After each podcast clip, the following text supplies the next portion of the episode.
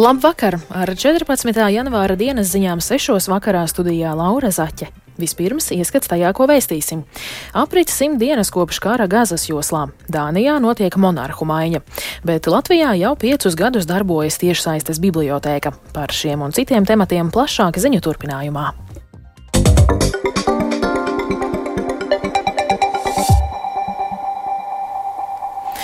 Šodien aprit simta dienas kopš teroristiskais grupējums Hamas iebruka Izrēlā un sākās karš Gazas joslā.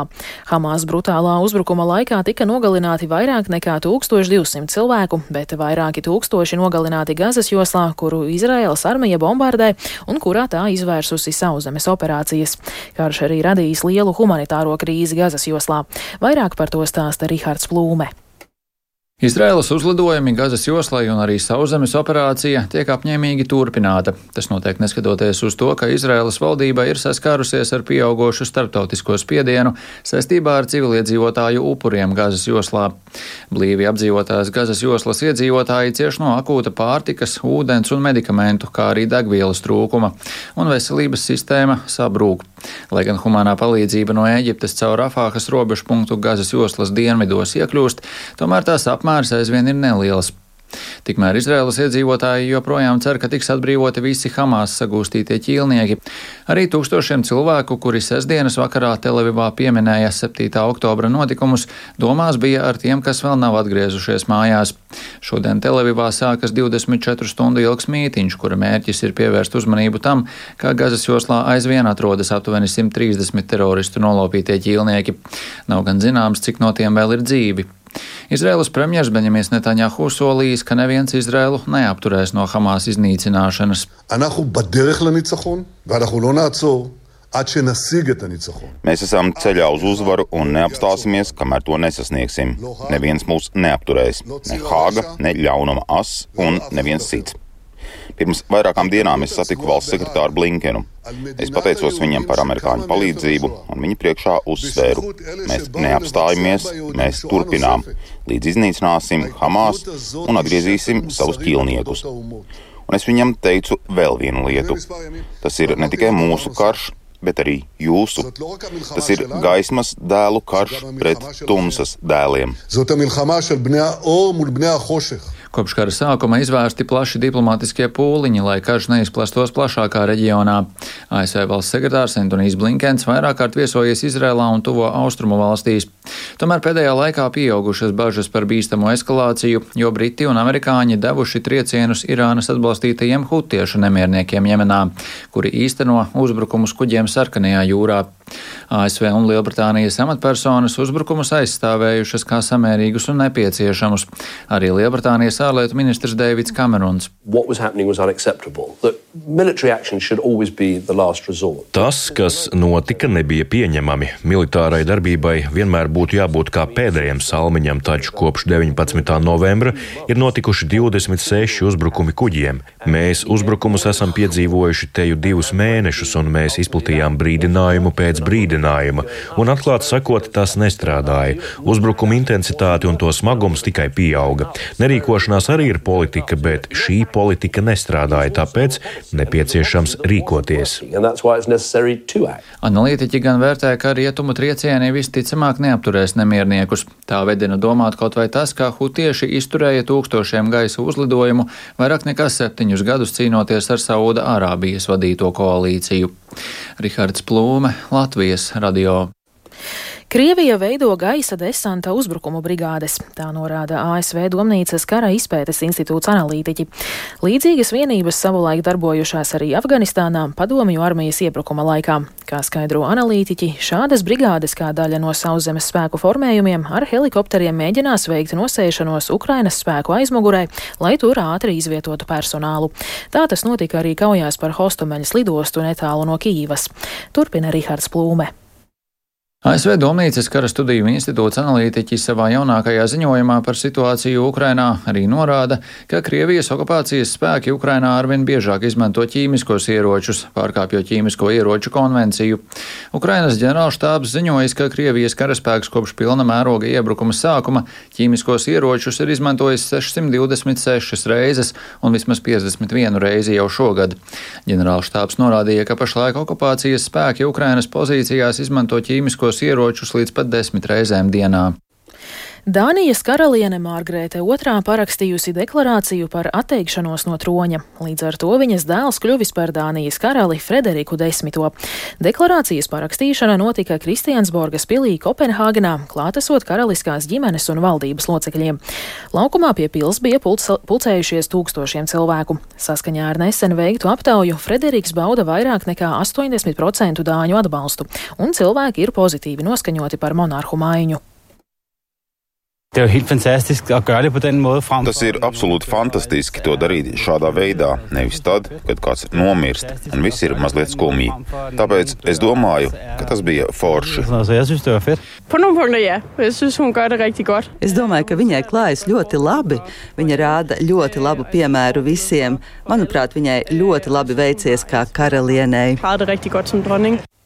Jau vēstīts, ka 83 gadus vecā Margarete II par nodomu atstāt troni pēc 52 valdīšanas gadiem paziņoja televīzijas uzrunā vecgada vakarā. Viņa sacīja, ka vecuma un veselības stāvokļa dēļ vairs nespēja paveikt tik daudz, cik agrāk.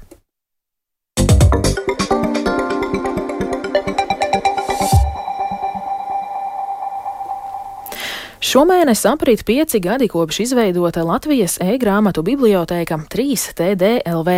Lasītāju interese par to ir stabu, stabila un noturīga. Pērna tiešsaistes bibliotēkai pievienojās vairāk nekā 2000 jaunu lietotāju, bet piecu gadu laikā pakalpojumu kopumā izmantojuši gandrīz 20 tūkstoši lietotāju. Lasītāju skaita ziņā platforma jau vairākus gadus pielīdzināma lielākajām publiskajām bibliotēkām visā valstī. Plašāk Baimas kušķes ierakstā. Esi sveicināts 3TDLV bezmaksas e-grāmatu bibliotekā. Mūsu lasītājiem ir pieejams gandrīz 600 e-grāmatas gan bērniem, gan pieaugušiem. Tas ir fragments no video materiāla, ar kuru tiešsaistes biblioteka šogad uzsāk savu piektās darbības gadu.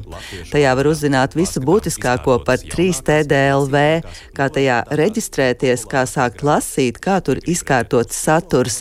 Video mērķis - ieinteresēt par vietni ar vien jaunus lasītājus, atgādinot, ka tā ir iespēja lasīt grāmatas tiešsaistē bez maksas legāli un arī bez rindas. Piemēram, šobrīd ir grāmatas, ko vienlaicīgi lasa vairāk nekā 70 lasītāju.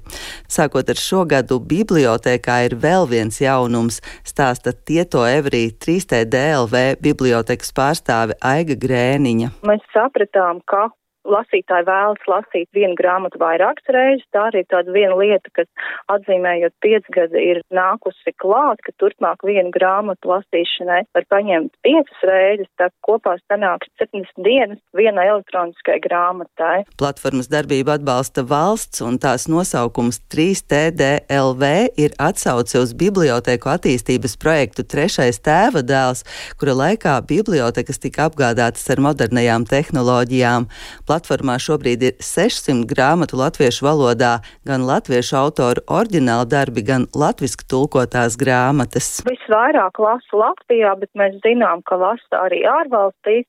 Viena tendence ir, ka vairāk lasa brīvdienās, vakaru stundās, un tā populārākā lasītāja grupa ir kaut kur 25, 34 gadi, bet lasa dažādu vecumu cilvēki, un ir arī tā iespēja palielināt burtus, ko mēs parasti uztveram, kas ļauj pielāgot burtu lielumu tik, cik kuram kurā brīdī ir ērti, un arī lasīt var, piemēram, sākt vietālu runi un pēc tam turpināt datorā. Tā lasīšanas vieta saglabāsies. Rakstniece Zane Nutskā lasītāja 3TDLV pievienojās pirms vairākiem gadiem un tieši caur šo vietni atklāja e-formāta grāmatu lasīšanas ērtumu, pret ko viņai pirms tam bija aizspriedumi.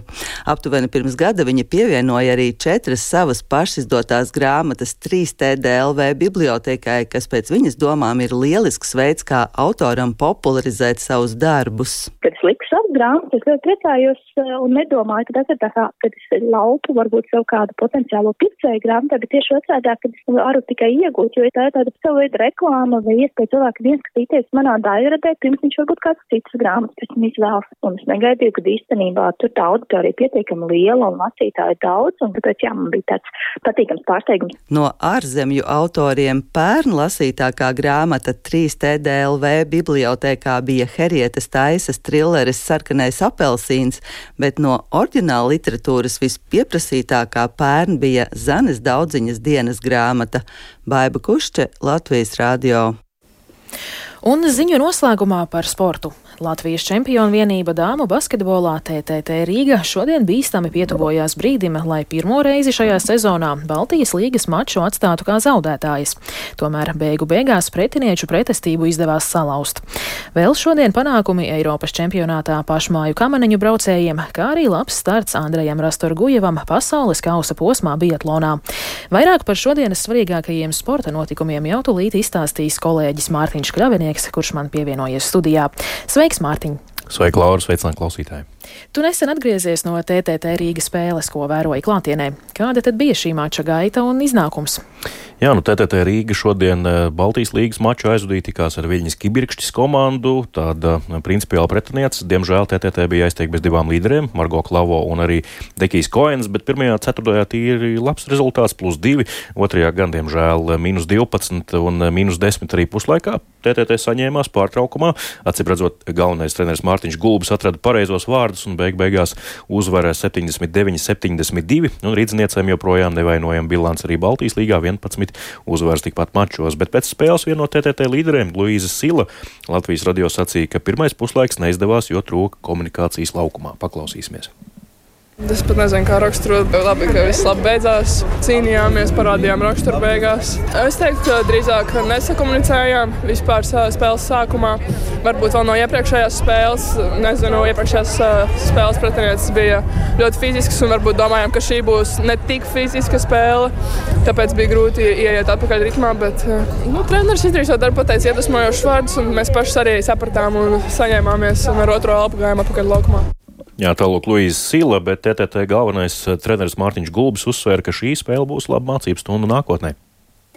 Mums izkrīt divas pamatspēlētājas un pamainās pilnīgi viss zīmējums, viss uzbrukums. Un uh, kaut kādām spēlētājām, kuras varbūt tik daudz nespēlē ikdienā, jāspēr solis augšu, protams, kamēr mēs adaptējāmies. Un, nu, jā, rakstura uzvar, kārtējā rakstura uzvar, kā, bet ir uh, lietas, par ko padomāt un man nav kā mācīties. Mūsu aizsardzība kopumā stūrakmeņš ir mūsu aizsardzība. Mēs ielaidām 29 punktus otrā ceturtajā. Es nezinu, nevienu treneru pasaulē, kurš teikt kādu labu vārdu par to. Tā kā otrā puslaikā mēs kopā ielaidām 26, 20 minūtēs. Tas jau bija mūsu rokraksts.